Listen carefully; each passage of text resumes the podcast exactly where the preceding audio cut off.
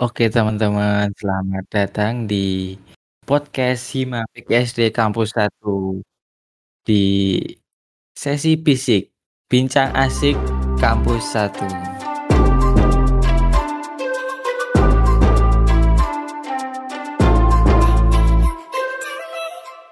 Oke teman-teman, malam ini kita dibersamai sama ketua hima kita, ketua hima PKSD 1 yaitu Mas Neki Irawan. Selamat malam Mas Neki. Oke, halo, selamat malam Mas Arif. Terima kasih undangannya. Wih, menarik nih. Ya ini kita rekaman malam-malam ya Mas Neki. Iya, nggak apa-apa. Sambil, sambil bersibuk-sibuk nugas. Wih, lagi banyak tugas ya Mas Neki. Iya, tua semakin banyak tugas. Iya sih. Ya maklum lah. Anak kuliahan yang tengah-tengah di masa tengah-tengah. Semester 4 wis udah di setengah jalan lah hitungan gitulah. Tengah jalan mulai terasa pusingnya. Bener-bener. Ditambah organisasi ya tambah-tambah. Lumayan. Mumet. Gimana nih kabarnya dari Mas Neki sendiri? Kabarnya baik, luar biasa lah. Sehat-sehat. Gimana Mas Arif kabarnya? Alhamdulillah sehat juga. Akhir-akhir ini lagi sibuk apa ya? Kuliah sih yang mulai bikin pusing. Tugasnya nggak nggak selesai-selesai. Nyelesain satu, muncul banyak. Paling itu sih cuma kuliah. Nggak berhenti-berhenti. Selesai satu tumbuh yang lain. Ya benar. Oh ya, kan ini mulai apa ya? Ya bukan mulai sih gimana? ya, Ini kan kita berorganisasi ya. Apalagi masa pandemi gini. Menurut Mas Neki gimana nih? Organisasi saat pandemi. Ya gimana ya organisasi saat pandemi sebenarnya hampir sama. Cuma ada beberapa hal yang susah dikendalikan kayak gitu komunikasinya, hubungan internalnya, hubungan eksternal kayak gitu. Ya tetap aja sih ada plus minusnya kayak gitu. Kalau positifnya ya dampak positif lebih fleksibel ruang dan waktu itu lebih bebas kayak gitu. Yang biasanya rapat itu cuma paling sampai sore, berkegiatan cuma sampai sore. Kalau masa pandemi jadi fleksibel, kegiatan bisa kapan aja, tinggal menyesuaikan. Tapi ya dampak negatifnya nggak bisa ketemu, kayak feel-nya nggak dapet. Itu sih yang kayak paling dirasain di masa pandemi, organisasi nggak dapet feel-nya gitu. Cuma apa ya, kayak cuma dapat rapatnya aja sama kegiatan. Paling ya kayak gitulah. Yo, emang sih di pandemi gini apa-apa serba online. Ya tapi enaknya juga ada sih pastinya. Yang kayak ya kayak tadi tuh, yang apa? Lebih fleksibel soal waktu, tempat. Pasti juga lebih fleksibel kan? Iya, ya itu dampak positif. Iya sih, tapi ya gimana ya feel kita dalam berorganisasi agak kurang. Apalagi di kepengurusan baru kayak gini ya Mas Niki. Oh, ini baru hampir tiga bulan berjalan ya. Kalau apa ya, kalau kayak gini terus ya lama-lama bosen. Harus ada apa ya, ada kegiatan-kegiatan yang bisa meningkatkan hubungan lah di internal. Iya sih. Harus ada apa ya, kayak sentuhan-sentuhan sedikit offline tuh. Ketemu langsung. Tetap harus ada kombinasi kayak gitu. seling. Walaupun masa pandemi Mm. diusahakan ada apa ya, suatu pertemuan paling enggak yang udah biasa pusing secara online ketika ketemu ya masih tetap pusing juga cuman ada hiburan lah ketemu teman ya. Soalnya gimana ya? Feel-nya juga beda aja ya. Kayak kayak yang kayak kayak jadi nyatuin itu soal ketemu langsungnya gitu. Iya bener sih kendalanya di situ bikin apa ya ikat ya raket itu ya susah Iya. itu sih Apalagi sih dengan apa anggota baru itu ya. Ah, bener banget dengan anggota baru tan bawah agak susah membangun komunikasinya Nah, soal kepengurusan baru nih. Mas Neki itu membawa kabinet gak sih sebenarnya itu? Uh, kalau di apa ya? Sebenarnya sempat apa ya, agak bingung juga di awal tuh. Ini tuh mau kayak yang lain atau mau ngikut budaya sebelum-sebelumnya atau enggak. Cuman setelah dipikirkan kalau kabinet itu kan ya kita mengacunya di peraturan aja sih di apa ya peraturan dasar, peraturan penjelas ya garis besar itu nggak ada sih tentang ketentuan bahwa di setiap hmm. periode harus membuat kabinet atau apa. Dan ketika kita hmm. udah ngomong kabinet itu kesannya udah terlalu tinggi gitu loh. Nek dari aku sendiri kan hmm. mikirnya Hima emang ya udah basicnya himpunan mahasiswa yang berasaskan keluargaan kayak gitu kan. Ketika kita udah ngomongin kabinet itu kan udah kayak ya ya udah lembaga parlemen kayak gitu, udah kayak pemerintahan kabinet kayak gitu. Kayak udah organisasi iya yang bukan organisasi kayak kekeluargaan lagi. Kayak gitu kan udah kayak sistem pemerintahan. Kalau di sini kita mendekatkan apa ya?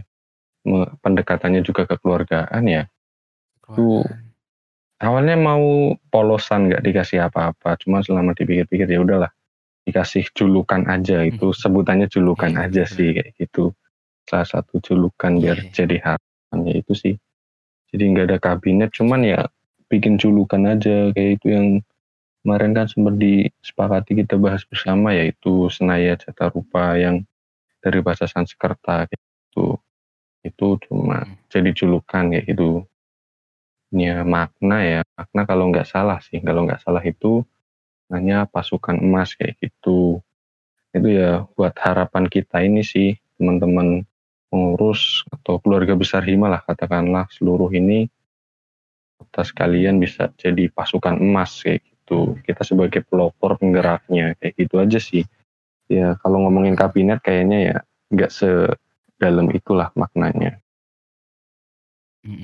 Belum sampai ranahnya sampai situ tuh.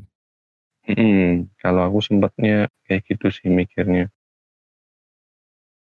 Apa sih yang diharapin yang lebih dari sekedar nama itu? Dari nama Senaya Jata Rupa? Ya itu sih Senaya Jata Rupa, pasukan emas ya. Kita memperdalam makna itu aja sih harapannya ya. Kita itu ya katakanlah pasukan. Jadi ya di sini kita ambil poinnya sebagai penggerak, sebagai pelopor kayak gitu. Jadi teman-teman harapannya bisa dapat nilai itu sih di kepengurusan ini, khususnya teman-teman pengurus ya. Teman-teman pengurus itu dapat nilai itulah punya semangat juang sebagai seorang pasukan, punya sebagai jiwa-jiwa penggerak kayak gitu. Soalnya tantangan kita itu banyak orang yang pinter tapi itu nggak mau bergerak. Dan ketika udah ada orang yang mau bergerak tapi nggak bisa gerakin, nah itu harapannya ya dari julukan pasukan emas ini eh, kita itu bisa jadi ya orang-orang yang bisa bergerak dan menggerak, jadi penggerak kayak gitu. Jadi bukan cuma orang pintar tapi ya kita juga harus action kayak gitulah. Mengambil tindakan. Oh ya ngomong-ngomong soal nama itu dapat referensi atau dapat apa? Dari mana gitu. Referensi atau apa ya rujukannya gitu. Um, sebenarnya itu itu sih waktu bingung di awal ini mau pakai ya julukan-julukan mau pakai kabinet-kabinet atau enggak. Itu sempat lihat dari teman-teman yang entah di himpunan di FIP atau di BM itu mereka punya ya katakanlah julukan kabinet atau slogan kayak gitulah. Ya itu jadi kepikiran oh iya. Ya udahlah buat aja julukan julukan apa gitu. Terus nyari referensi-referensi di internet kayaknya ya udah pasaran banget. Terus nyarinya di kayak di bahasa-bahasa Sanskerta kayak gitu sih bahasa ya bahasa zaman dulu yang punya makna tuh. Kayak terinspirasi dari yang slogannya Garuda itu kan Bhinneka Tunggal Ika slogannya Indonesia. Itu kan bahasa Sanskerta. Jadi kepikirannya awalnya itu sih oh ya ya udahlah bingung nyari referensi nyarinya di eh, di kamus sih. Nemunya itu. Dan ya nggak tahu sih tiba-tiba kepikirannya ke situ nemu dua kata itu terus digabungin nih. Nah, ngomongin kayak tadi kan keluarga. Ya, pasti dalam keluarga itu ada sebuah konflik. Nah, dalam keluarga ini menurut Mas Neki gimana sih penyelesaian suatu konflik dalam kalangan kita sama mahasiswa yang ada di organisasi terutama saat pandemi kayak gini loh ada susah atau lebih enak atau lebih sederhana gitu ya kalau konflik ya kalau kita konteksnya di hima di organisasi kita ini konflik itu ya ya namanya hidup lah kayak gini berjalan ya. Hilir masuk kayak gitu konflik ini selesai datang yang lain. Jauh ini ya konflik ya udah ada beberapa kayak gitu. Entah di internal entah nanti internal itu ada. Dan kalau menyikapi kita sebagai mahasiswa kita belajar kayak sadaran aja sih sadaran di sini. Karena kita yang mengedepankan apa ya humanisme kayak gitu ya kita apa ya ngadain ya ngobrolin kita misal ada konflik internal ya udah kita obrolin pihak terkait terus kita kan kita ada struktur juga ada pengurus inti pengurus harian kita bahas secara struktural lalu kita lakukan pendekatan personal ketika memang konfliknya konflik pribadi. Tapi kalau udah konfliknya mulai mengganggu apa ya hampir keseluruhan internal itu ya kita selesaikan secara musyawarah kayak gitu. Kita bahas bareng-bareng mediasi sama teman-teman PIBH ngajak juga pihak yang terkait kayak gitu. Terus kalau udah ngomongin konflik eksternal sejauh ini ya sering muncul kayak gitu. Kadang kan beberapa miskomunikasi sama apa ya teman-teman di luar bapak ibu di birokrasi itu kita sejauh ini ya sejauh ini kalau ada konflik seperti itu kita cuma pakainya komunikasi aja sih. Jadi ya kalau ada sesuatu yang janggal menimbulkan masalah kita klarifikasikan sama saling mendengar dari pihak luarnya kita dengerin mereka pun dengerin kita. Terus nemuin titik itu aja sih. Komunikasi sih yang terpenting. Konflik internal. Hmm, benar-benar kan tadi ngomongin soal struktur organisasi gitu ya. Nah, menurut Mas Negi itu penting nggak sih dalam sebuah organisasi ada sebuah struktural dari ketua, wakil, terus ya kayak gitu, sekretaris, bendara, dan divisi-divisi penting nggak sih sebenarnya? Kalau ngomongin penting atau enggak, kalau dari aku pribadi itu penting banget karena kalau udah ngomongin konteks organisasi profesional dan apalagi ngomongin kita aja yang nggak usah jauh-jauh ngomongin di hima kita itu udah jelas ada peraturan dasar, peraturan penjelas, garis besar haluan kerja itu kan kita udah benar-benar organisasi yang profesional karena kita punya dasar hukum sendiri. Nah, itu kalau ngomongin struktural pasti penting banget. Ini organisasi, bahkan organisasi yang tanpa ya mungkin komunitas, komunitas kan lebih fleksibel sama-sama kelompok orang tapi kalau komunitas fleksibel mungkin nggak ada peraturan sedetail itu. Tapi kalau kita organisasi kan peraturan detail jadi struktural penting. Eh, komunitas aja yang nggak sedetail itu ya apa namanya tetap ada strukturnya tetap ada ketuanya atau apa ya koordinatornya. Itu nanti pun tetap membutuhkan orang di keuangan orang yang ngurusi administrasi gitu. Nah, kalau kita udah ngomongin di organisasi, udah pasti sih ya kita di Hima ada ketua yang bertanggung jawab internal eksternal seluruh kegiatan. Punya tanggung jawab umum, nanti ada wakil ketua tanggung jawab di internal khusus, nanti ada bendahara keuangan dan segala sesuatu tentang keuangan organisasi, sekretaris administrasi dan lain terus nanti ada divisi-divisi, ada enam divisi, ada enam potensi ya, katakanlah ada enam potensi.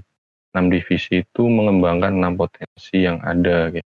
ada yang tentang ini apa namanya yang kewirausahaan, itu ngurusi tentang kaderisasi, yang ngurusi tentang media, jaringan, jadi ada potensi yang diwadahi Nah itu tetap butuh secara struktural tetap butuh kepala divisi untuk menghandle teman-teman yang ya terjun di situ itu biar biar komunikasinya terjalan dengan baik pun komunikasi secara struktural harus dipahami sih oleh seluruh anggota, seluruh pengurus.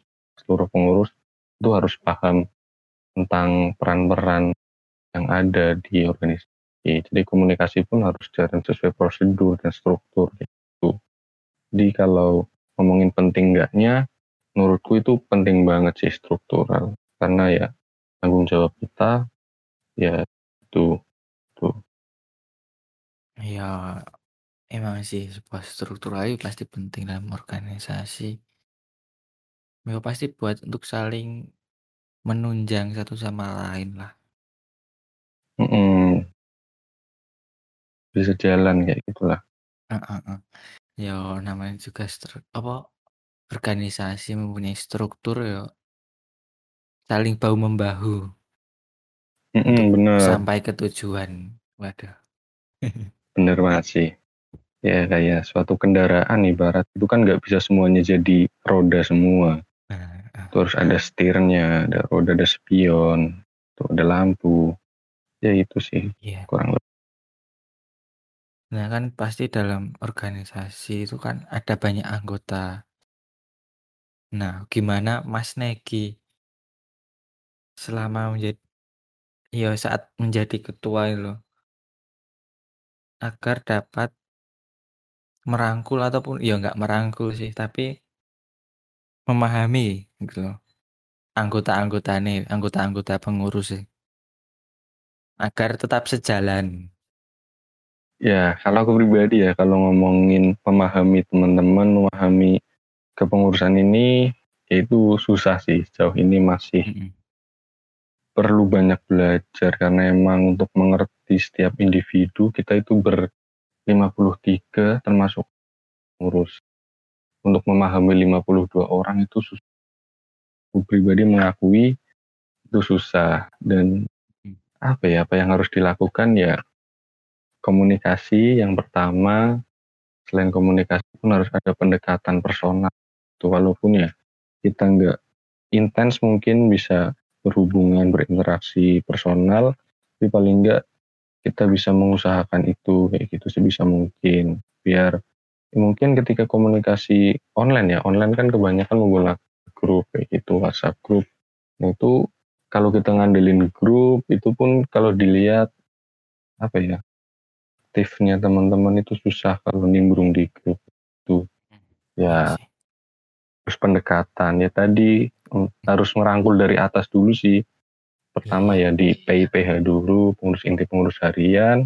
Kita dapetin dulu di pengurus inti pengurus harian. Nanti buat keseluruhan ya kita saling bahu membahu ke kayak oh ini anakmu kena ya, lagi agak ada masalah ada terus coba kamu deketin kayak gitu. Jadi ya saling kerjasama sih berbagi peran tuh berbagi tugas. Nanti kalau ada apa-apa kita bahas bareng. Emang susah banget sih buat dapetin apa ya katakanlah dapetin hati 52 orang itu biar bisa sejalan susah. Tetap nanti bakalan ada gejolak kayak gitu sih.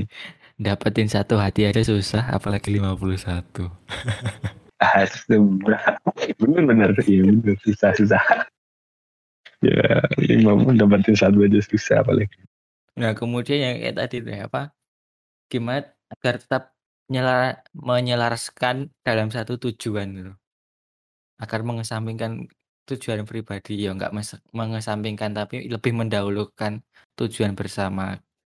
Hima PGSD kampus 1 apa ya, terkait itu sih menyelaraskan atau biar apa ya biar selalu kompak tetap ketika kita ada forum, ketika kita bisa bertemu, ketika kita ada apa ya kesempatan berkomunikasi, entah sekelompok kecil atau besar maupun kelompok apa ya, ya entah kelompok kecil atau besar, entah pendekatan personal, komunikasi personal itu tetap harus ada apa ya, tetap motivasi kayak gitu sih, tetap dikasih motivasi, dikasih pemahaman, ya katakanlah sosialisasi lah. Kita ini harapannya gini gini gini. Sama-sama belajar sih. Bukannya maksud menggurui atau ngajari hmm. teman-teman lain tapi di sini uh, seorang apa ya katakanlah diamanai sebagai seorang pemimpin harus bisa ngasih motivasi dan ngasih arahan buat teman-teman. Dan ketika aku melenceng pun aku pun bisa melenceng sebagai ketua bisa melenceng. Nah nanti teman-teman juga gantian. Ya tetap ketika ada kesempatan ya kita masuk ke situ kita sih motivasi penguat walaupun sampai sini pun bertiga bulan ya tiga bulan pengurus ini pun masih susah bangun. Tapi ya perlahan terus dicoba gitu. Seperti ke paling itu aja sih. Ya sih, ya namanya kita sebagai manusia ya pasti ada salah, ada lupa. Ya enggak, ya gimana lagi emang udah oh ya kodrat. Mm Iya udah kodratnya kita. Nah, kan ini gimana ya? Pengurusan baru ini udah hampir tiga bulan, eh udah lebih tiga bulan ya? Hmm, kita musma hari ya kurang lebih kalau ngitung kalau ngitung tiga bulan, kalau ngitung bulannya iya tiga bulan, tapi kalau ngitung harinya belum 90 hari sih. Iya sih, hampir tiga bulan lah. Apa sih pengalaman menarik selama menjadi ketua selama tiga bulan ini? Atau hal yang baru ditemuin? Yang jelas kalau hal yang baru itu ketika nemuin apa ya? Ketika dulu ya kita masih di kepengurusan sebelumnya, ada hal yang menarik itu ketika teman-teman yang dulunya jadi adik sekarang jadi kakak itu mereka kayak berubah kayak jiwa apa ya dewasanya keluar itu menarik sih jadi buat belajar aku sendiri terus ketika ini udah rekrutmen akad ya gabung ke pengurusan hal yang menarik ya ketika nemu eh, karakteristik yang baru kayak eh kok ini kayak orangnya beda dari yang lain. Oh kok ini mirip sama ini. Oh kok ini kayak jadi penerusnya ini kayak gitu. Jadi ya selama ini yang menarik itu lebih ke keanekaragaman teman kayak gitu karakteristik tiap personal di karakter ini tiap individu di ini kepengurusan itu menurutku selama tiga bulan ini yang paling menarik sih. Ada orang yang ini seperti itu. Itu yang membuat aku apa ya senang kayak gitu naik temu teman-teman. Ya oh ketemu ini jadi oh orangnya gini. Nemu hal baru ya. Mesti banyak belajarnya. Karakteristik orang punya apa yang dibawa belajar kita memahami orang itu sih itu menarik berarti menariknya dari segi individu gitu, yang muncul Iya. Yang muncul dari individu. Iya, kayak mereka udah bawa sesuatu sendiri-sendiri gitu dari individu udah bawa bawa sesuatu terus buat belajar ya. Asik lah. Ada nggak sih yang jadi faktor penghambat saat apa ya saat berorganisasi di luar dari pandemi gini ya? Hmm, kalau di luar pandemi hambatnya apa ya? Ya tetap masih berkaitan dengan pandemi sih. Soalnya itu kita nggak bisa ketemu terus waktu apa ya waktunya juga kadang mengganggu istirahat itu selain fleksibel kadang kita jadi lupa waktu ada waktu buat istirahat terus dari teman-teman kayak gampang capeknya sih. Kalau menurutku sendiri aku ya aku sendiri pun kalau kepengurusan online kayak gini gampang capeknya terus aku amatin teman-teman pun adalah yang kayak gitu gampang capeknya. Itu yang cukup menghambat selain komunikasi dan ini ya cara itu sih kayak jaga teman-teman biar itu itu agak susah karena itu kayak gampang capeknya walaupun online kelihatannya nggak nguras fisik tenaga tapi malah lebih capek nih menurutku sih. Nah itu cukup menghambat. Sebenarnya kalau lagi pandemi kayak gini lebih capek nggak sih? Iya. Nggak tahu kenapa kalau dipikir-pikir kan malah kita nggak harus di Jogja, kita lebih fleksibel di waktu, terus ya bisa rapat atau kegiatan sambil makan, ketemu ketemu dosen kayak itu pun apa ya agak nggak semua kegiatan harus ditemui kayak gitu. Tapi kok malah lebih capek, aku pun nggak kayak yang lebih capek di pikiran karena waktu fleksibel kadang jadi malah gimana waktu istirahat jadi berantakan gitu. Iya bener sih. Kayak kayak gitulah. Kayaknya ya sih lebih ke beban pikiran terus mengganggu waktu istirahat. Malah jadi kayak kecampur-campur. Heeh, jadi ngatur waktunya harus diubah lagi polanya. Mungkin dulu ketika offline kan udah tertata oh pagi sampai siang menjelang sore itu kegiatan kuliah akademik kayak gitu ngerjain tugas. Jadi sorenya baru mungkin ngurus si gitu sih. Kayaknya iya sih kita harus belajar ngat ini manajemen waktu di masa pandemi ini Kayak ngeriset manajemen waktu. Memulai ulang. harus beradaptasi Ya memang sih. Tapi ada nggak kiat-kiat dari seorang ketua hima cara menjadi pemimpin yang baik? Ada nggak sih? Wah, kalau ngomongin jadi pemimpin yang baik agak berat sih. Ya, aku sendiri pun masih belajar kayak gitu. Yang jelas kalau mau jadi pemimpin itu harus ambil resiko, boleh egois. Ini harus siap mental sih. Nanti pemimpin itu ya pokoknya entah kita yang salah di apa ya pokoknya entah siapa pun yang salah ketika itu masih di bawah tanggung jawab kita itu kita yang harus siap pasang badan kita yang harus siap. Pokoknya kena imbasnya harus ke kita kayak gitu. Ya, ya nggak harus ke kita tapi harus siap tanggung jawab tentang itu. Kalau itu masih di bawah tanggung jawab kita itu harus siap. Jadi kalau ngomongin jadi pemimpin yang baik harus paham dulu. Yang penting harus mau belajar.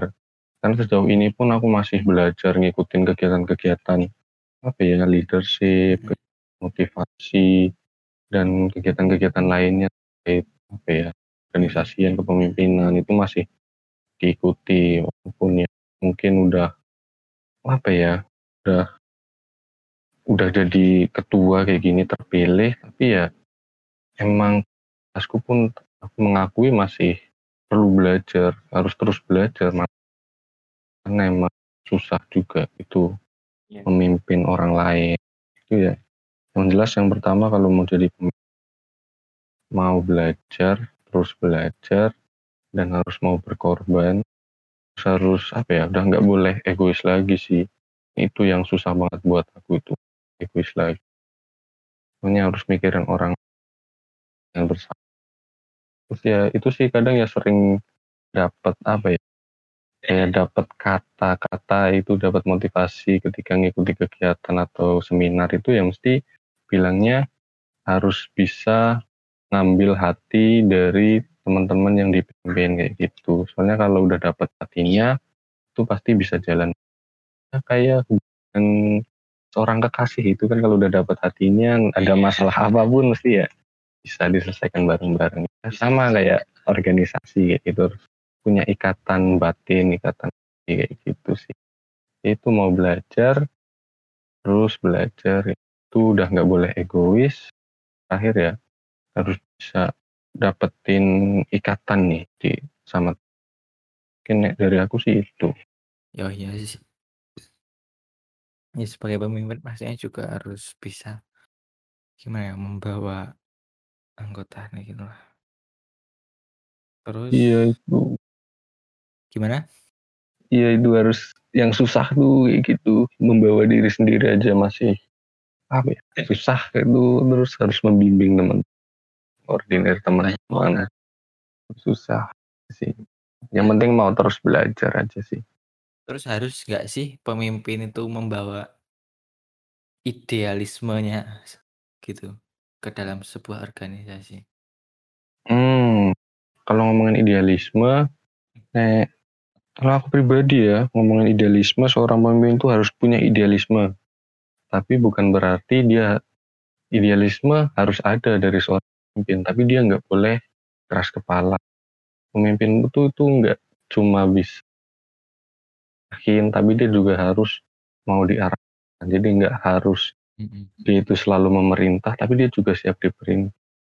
Dia nggak cuma harus pintar ngomong tapi juga harus bisa dengerin. Kalau punya idealisme itu harus seorang pemimpin harus punya idealisme. Karena kalau seorang pemimpin udah katakanlah harus bisa ngayomi itu kalau kita di Hima 52 orang kan banyak. Kalau dia idealisme dia bakal terombang ambing apalagi nanti apa ya karena di organisasi ini walaupun kita masih lingkupnya kecil kalau di paling bawah itu bakalan kayak ada gejolak-gejolak dari dalam terus belum lagi kayak ada serangan-serangan dari luar harus punya idealisme kayak gitu. Kalau ngomongin harus punya idealisme seorang pemimpin harus punya. Cuman ya ada apa ya ada porsi-porsi masing-masing. Harus bisa ngerti orang lain gitu. Punya punya itu sih kepekaan dan kesadaran itu. Ya emang gitu sih. Harus punya idealisme biar gimana? Biar nggak terguncang nggak mudah keguncang di jalan.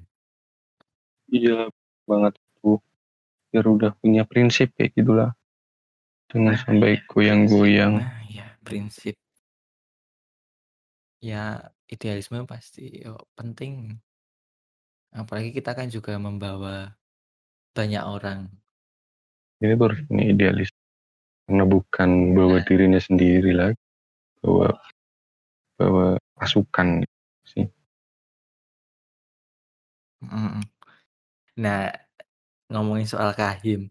Nah kemarin jadi kahim itu cemplung atau nyemplungin? Aduh cemplung atau nyemplungin ya. Antara didorong atau tercebur atau nyeburin diri. Sebenarnya bingung sih itu. sebenarnya kalau ditanya itu pun ya bingung juga.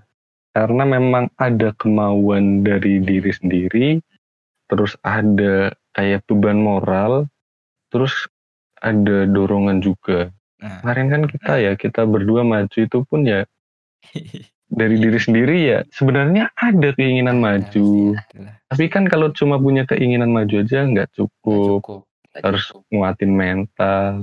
Terus teman-teman yang lain teman-teman kita pun ya alhamdulillah support semuanya dukung kita maju terus ya, apa ya?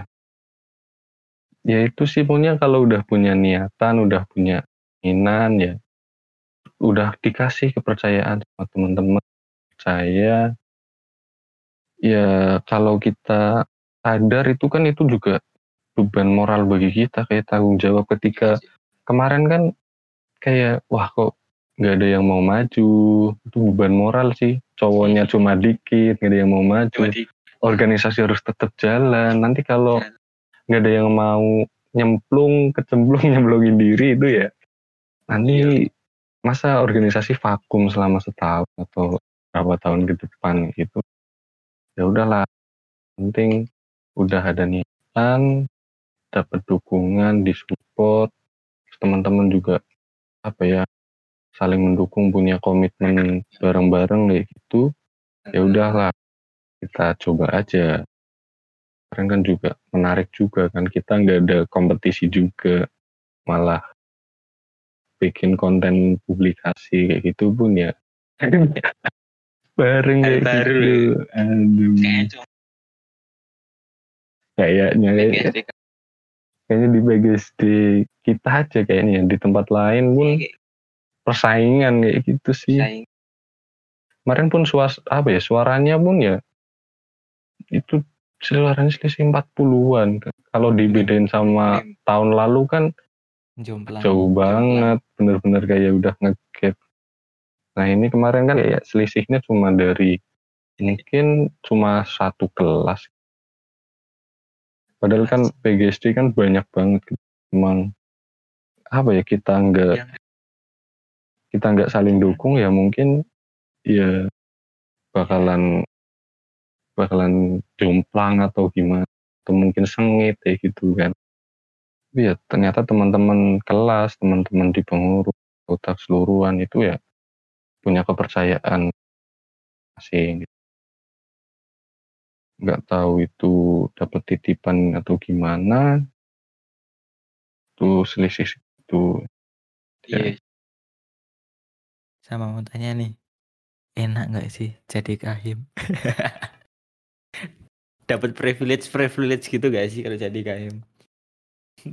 Kalau ngomongin enak gaknya ya tetap aja sih ada suka dukanya. Kadang Yes, ngerasa pasti. wah lebih enak nih jadi staff biasa. Tuh. Tapi ya kadang lebih enak juga jadi tim tapi kalau ngomongin punya keuntungan lebih itu ya ada keuntungannya tapi juga ada kon tuh kayak kita punya apa ya bisa menjalin komunikasi bapak ibu, bapak ibu di jurusan akses ke fakultas bahkan punya akses ke apa ya lintas fakultas atau se-UIN itu kita punya teman-teman di itu kayak gitu. Di organisasi ormawa lain yang lintas fakultas ya itu itu mungkin keuntungan tapi itu pun ada konsekuensinya ketika kita udah apa ya kadang tuh orang tuh nganggapnya ketika seorang udah jadi apa ya udah misal katakanlah jadi ketua hima Wah, jadi pemimpin. itu orang nganggapnya hmm, kalau udah jadi pemimpin suatu organisasi itu tetap orang itu di mana pun dianggapnya bawanya nama organisasi Hmm. padahal kan ada masa kita itu bawa Sebagai tanggung pribadi. jawab organisasi ada juga masa kita tanggung jawabnya atas diri sendiri sebagai Nah. pribadi biasa. Nah itu kadang ngatur pandangan orang itu kita harus benar-benar bisa jaga itu sih. Jangan sampai ber apa ya bertindak bodoh. Nanti yang jelek itu yang jelek bukan nama pribadi lagi. Kalau yang jelek nama pribadi kan ya udah nggak masalah. Tapi kalau udah orang nganggapnya yang jelek itu himanya organisasinya itu malah jauh. Padahal yang di posisi itu yang sedang melakukan itu Negi Irawan sebagai pribadi bukan Negi Irawan sebagai apa ya ketua himanya itu sih yang benar-benar harus dijaga kalau keuntungan ya itu sih relasi punya akses tuh Iya, mungkin iya sih. kurang lebih kayak gitu lah Ke mana-mana bawa tanggung jawab. Embel-embel ketua gitu. Iya, jadi harus hati-hati katakanlah. Jadi kayak public figure. Iya, padahal ya kadang harus jadi diri sendiri kayak gitu. Kadang ya harus sebagai sosok yang punya tanggung jawab, kadang pun ya sebagai sosok yang atas nama pribadi. Cuman tetap agak terbebani sih. Ya sebenarnya itu menyesuaikan tempat lah. gitu. Mm-mm, ya. Tempat posisi. Pertanyaan udah habis sih sebenarnya tapi masih ada yang pengen tak tanyain. Sebenarnya kalau jadi ketua itu gimana caranya kita healing diri diri, diri kita gitu loh. Kan jadi ketua tuh harus ngurusin banyak orang, tapi kita kan juga perlu ngurusin diri kita, apa menenangkan diri kita, healing diri kita sendiri. Nah, kalau Mas Negi itu gimana? Nah itu sih yang apa ya, nggak semua orang sadar tentang itu. Dikiranya kadang orang yang udah selalu motivasi orang lain, selalu coba nguatin orang lain, selalu coba membimbing orang lain itu dikiranya kadang masih ada beberapa atau banyak dari kita itu nganggapnya dia itu udah kuat, nggak perlu dikuat. Oh dia itu kayak robot, nggak punya perasaan, nggak capek, nggak bisa tersakiti. Itu kadang masih ada anggapan orang yang itu dan itu menurutku salah sih. Tetap sekuat apa pun orang dia pun masih bisa down, bisa jatuh kayak gitu dan perlu healing kayak gitu. Itu kadang orang masih nganggap kalau udah apa ya udah biasa memotivasi orang nggak perlu di kalau udah biasa nguatin orang udah nggak butuh dikuatin kan. Kayak gitu dan ya jadi apa ya kalau jarang sih orang yang nanya eh gimana ini, ini kita yang harus tapi ya itu emang udah tanggung jawab dan kewajiban kita dan Iya sih. cara ngehealing. Nge-refresh biar kayak ngecharge kayak gitu biar full lagi ya. Anu sih kadang tuh apa ya nggak ada sih ada banyak cara. Kadang tuh yang main sing kayak gitu. Terus kadang juga ini sih walaupun ini agak buruk tapi kadang butuh waktu misal satu dua hari benar-benar lepas dari ini sih lepas dari HP apalagi kita udah kuliah online natap, natap laptop organisasi mayoritas jalannya online itu kadang buat healing itu butuh tuh satu sampai dua hari atau apa ya tergantung kebutuhan. Harus ini sih kalau dari aku pribadi kadang butuh waktu buat lepas dari ini dari internet kayak gitulah. Pokoknya ya HP tetap kadang dipegang cuma ya itu udah enggak butuh waktu lah un untuk sendiri kayak gitu. Dan itu kadang disam harus disampaikan ke teman-teman. Ini aku mungkin ada urusan. Aku butuh ini. Nanti tolong di handle dulu. Jadi, kurang lebih ini udah bisa jalan sih kalau di masa online kayak gini tetap kalau mau kalau aku pribadi kadang butuh waktu buat lepas dari segala kelas segala segala beban atau segala tanggung jawab ini dulu lah nitip. Sama teman-teman ini tolong di handle dulu bentar. Soalnya kalau mau apa ya mau apa lagi kayak gitu sih. Soalnya ya butuh istirahat juga kadang. Ini lebih ke beban pikiran tuh. Kalau fisik mah insya Allah tetap. Fisik istirahat bisa sembuh. Ya bisa refresh pikiran tapi kalau pikiran itu tetap harus apa ya butuh waktu sendiri butuh me time kayak gitu entah main ke alam atau cuma sekedar lepas dari HP dulu, lepas dari laptop teknologi itu. Hmm. Paling itu. Ya namanya pemimpin juga tetap manusia ya butuh ditanyain, tetap butuh sebuah kayak apa ya? Kayak perhatian gak sih dari anggota nih? Harus saling support gitu sih. Support pun tetap ada butuh disupport nah, kayak gitu. Nah ini buat buat teman-teman semua tetap ketua itu tetap butuh perhatian kalian. Waduh. Waduh. ya gimana ya kadang kita nanya nanyain kabar yang lain, nanya nanyain anggota pengurus yang lain, tapi kita sebagai yang lebih apa ya, yang memulai itu malah jarang ditanyain gitu, iya enggak tuh? Bener bener, itu sih bener. Realita. malah kadang malah kayak dilupain. Oh iya, nggak apa-apa sih. Yang yang nggak dilupain sih. Cuman ya kadang nih pola yang ada itu ketika kita bertanya kabar, bertanya kondisi atau kesibukan dikira itu formalitas. Padahal hmm. apa ya, itu emang walaupun ya mungkin pas posisi kita, posisi yang ditanya, ih apaan sih tanya gini, kayak pertanyaan formalitas, pertanyaan yang basa-basi. Tapi emang itu pertanyaan yang benar-benar ditanyain karena emang harus kita itu harus tahu apa ya yang kita tuh apa sih? Kita bertanggung jawab sama teman-temannya. Kita pun harus tahu kondisi teman-teman kayak gitu. Itu bukan pertanyaan formalitas ya teman-teman. Ini nanti takutnya ketika ditanya ih gimana lagi? Sibuk apa? Ih kemarin ini gimana?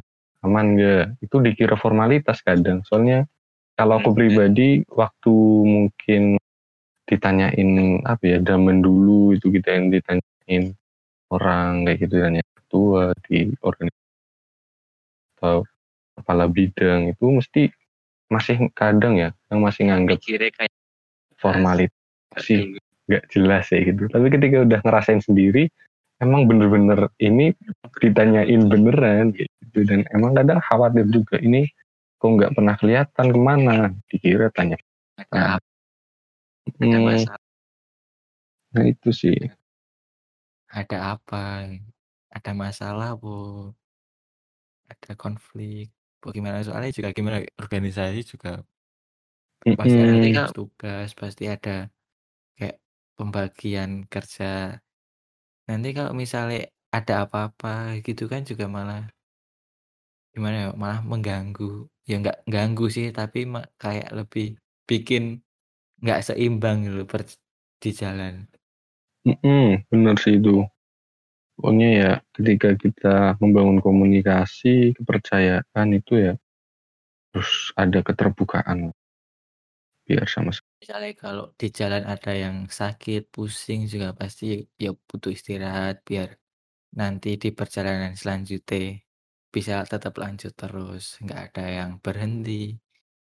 Ya nggak berhenti deh, nggak ada yang ketinggalan biar sama-sama sampai akhir tujuan nah itu sih yang pemahaman kita itu bener banget Jadi kita tanya kondisi ya emang biar misal lagi dapet job apa, dapet tanggung jawab apa, suruh ngurusin itu. Ketika emang kondisinya mungkin lagi ada masalah di rumah, ada masalah di kuliah, lagi banyak pikiran, banyak beban, itu kan ketika dia terbuka, ketika dia pun mengakui ya kendala ini, ketika mau buka komunikasi, oh mas aku ada kendala ini, ya mbak ada kendala ini, itu jadi kita paling nggak bisa saling membantu lah. Walaupun kita mungkin nggak bisa membantu menyelesaikan masalahnya, tapi paling nggak kita tidak memberikan masalah tambahan untuk dia. Uh, nggak nambahin beban. Mm itu sih. Nah itu teman-teman, jadi nanyain kabar itu bukan sekedar formalitas. itu.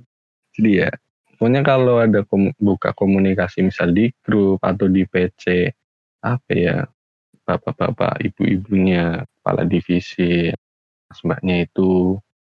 Ini itu ya. Itu emang bener-bener tanya bukan formalitas. Jadi ya paling nggak direspon kayak gitu. Karena emang kita ketemunya jarang komunikasi ya. online itu harus direspon. Nah, pertanyaan terakhir. Waduh apa nih? Apa nih pesan buat kepengurusan tahun ini. Ini kan masih awal-awal. Nah, pesan buat teman-teman pengurus yang lain nih apa? Ya? Pesan buat teman-teman, buat kita semua ya. Buat kita semua ini kita ya, buat teman-teman pengurus, pengurus kita lupa buat teman siapa pun yang mendengarkan ini teman anggota ataupun umum ya tetaplah apa ya tetap jaga optimis Makanya optimisme itu harus terus dijaga, terus dipupuk, terus energi positif pun harus punya teman-teman punya energi positif. Jangan sampai eh, di pemikiran-pemikiran kita ini kita udah ngejatuhin mental kita sendiri, ngejatuhin apa ya kelompok kita sendiri. Itu kita harus tetap membangun energi positif dari dalam diri, harus membangun optimisme dan harus ditularkan. Jadi energi positif sama optimisme itu harus terus dipupuk dan disebar harus ditular. Nah, mungkin dari aku itu aja sih. Soalnya biar kita terus bisa berlabuh nanti dengan selamat, dengan gembira, dan lengkap utuh, itu ya kita harus tetap punya optimisme, punya energi positif yang harus terus dijaga, dipupuk, dan ditularkan. Badai mungkin masih akan banyak kita temui. Kenapa? Eh tapi masih ada satu pertanyaan terakhir, Ini terakhir. Kalau aku mau tanya, misalnya kalau nggak ada, bilang nggak ada. Kalau ada, coba dibilangnya, ada nggak kata-kata atau kalimat yang pengen diomongin ke teman-teman tapi belum pernah diomongin? Ada sih, ada, ada kalimat. Coba mau diomongin nggak? Kalau mau diomongin, nanti dikira dikira gimana gimana ya omongin di kesempatan kali ini ya buat teman-teman uh, waduh kayak kesempatan terakhir uh, mumpung ada kesempatan. Ya, buat teman-teman ya mungkin ini aku nggak pernah sampein ke teman-teman. Mungkin aku orangnya cuek kayak nggak peduli atau orangnya dingin. Tapi perlu teman-teman ketahui uh, kadang aku sangat khawatir sama kondisi teman-teman semua, kondisi kita di eh, apa ya? Adalah satu kalimat dari ada tiga kata yang nggak pernah kayaknya selama ini belum pernah aku sampaikan. Dikira gimana? Tapi ya inilah tak sampaikan di sini. Eh, aku sayang kalian, terus sih. Jadi Oh, waduh. Mantap. Tapi ya bukan mantap. bukan sayang yang gimana gimana ya. Tapi nah. emang ya udahlah sesama apa ya kita udah mulai berproses bersama dari beberapa bulan yang lalu sebelum kita udah interaksi ada belum lagi teman-teman yang 2019 sudah kita hampir dua tahun ya di nah itu ya udahlah tapi kayaknya aku emang belum pernah ngomongin sayang kalian kayak gitu sih Soalnya kalau disampaikan kan ya nanti dikira malah gimana. Ketuanya suka gombal. Tapi emang itu tulus, itu tulus teman-teman. Beneran. Nggak apa-apa. Ketua gombal nggak apa-apa. Buat mendekatkan. Waduh, ngeri. Nanti dekatnya ke Berkedok. arah yang lain. berkedok mendekatkan. Waduh. Hmm, mungkin itu aja sih. ya gitu tuh sih. Ya emang jadi pemimpin tuh nggak mudah nggak sulit. Yo gimana ya? Harus pinter-pinteran lah. Kita sebagai manusia sebagai orang membagi-baginya memberikan porsi pada diri sendiri pada teman pada anggota pada keluarga juga keluarga juga terpenting ya ja- pastinya jangan sampai organisasi dapat melupakan keluarga gimana pun kita juga pasti kembali juga pada keluarga. Ya gitu sih. Oh iya, mungkin ini sih satu pesan tadi ngomongin keluarga. Ngomongin keluarga, kita udah punya keluarga, keluarga teman-teman masing-masing, itu harus terus dijaga dan kita di sini sedang membangun kekeluargaan. Itu juga harus dijaga. Jadi keluarga yang udah ada terus dijaga dan di sini kita sedang belajar apa ya berorganisasi dalam asas kekeluargaan ini menciptakan lingkungan kekeluargaan terus terus dibangun gitu. Mungkin itu aja sih. juga selain itu juga pastinya juga saling ngingetin saling nyemangatin saling menguatkan lah yang pastinya kalau di organisasi itu. Soalnya juga figur pemimpin juga pastinya butuh lah ya. Eh, nggak nggak cuma harus nguatin tapi juga dikuatkan. Nggak cuma ngingetin tapi juga harus diingetin. Ya, penting kita berjalan beriringan. Ya, ya Betul. benar berjalan beriringan bukan atas ya bawah, saling bukan rangkul belakang, tapi ya satu sama beriringan, lain sejajar. Baiklah, podcast kita hari ini podcast fisik bincang asik kampus 1. Terima kasih Mas Neki udah menyempatkan waktunya. Sama-sama Mas Ari. BTW kita record podcastnya jam berapa ini? Jam mulai jam 10 tadi ya. Sampai sekarang jam 11. Iya, ya nggak kerasa. Terima kasih juga atas kesempatan ngobrol-ngobrol. Ya, eh. Ya, semoga apa ya, ada pesan yang dapat ditangkap lah dari ngobrol-ngobrol kita bincang. Amin. Semoga juga dapat ngobrol lagi di kesempatan berikutnya. Ya, oke oke, bisa bisa. Insya Allah lah. Terima kasih Mas Neki. Ya, sama Sarip. Semangat. Buat teman-teman jangan lupa stay tune terus di podcast Hima PKSD Kampus 1 Fisik Bincang Asik Kampus 1.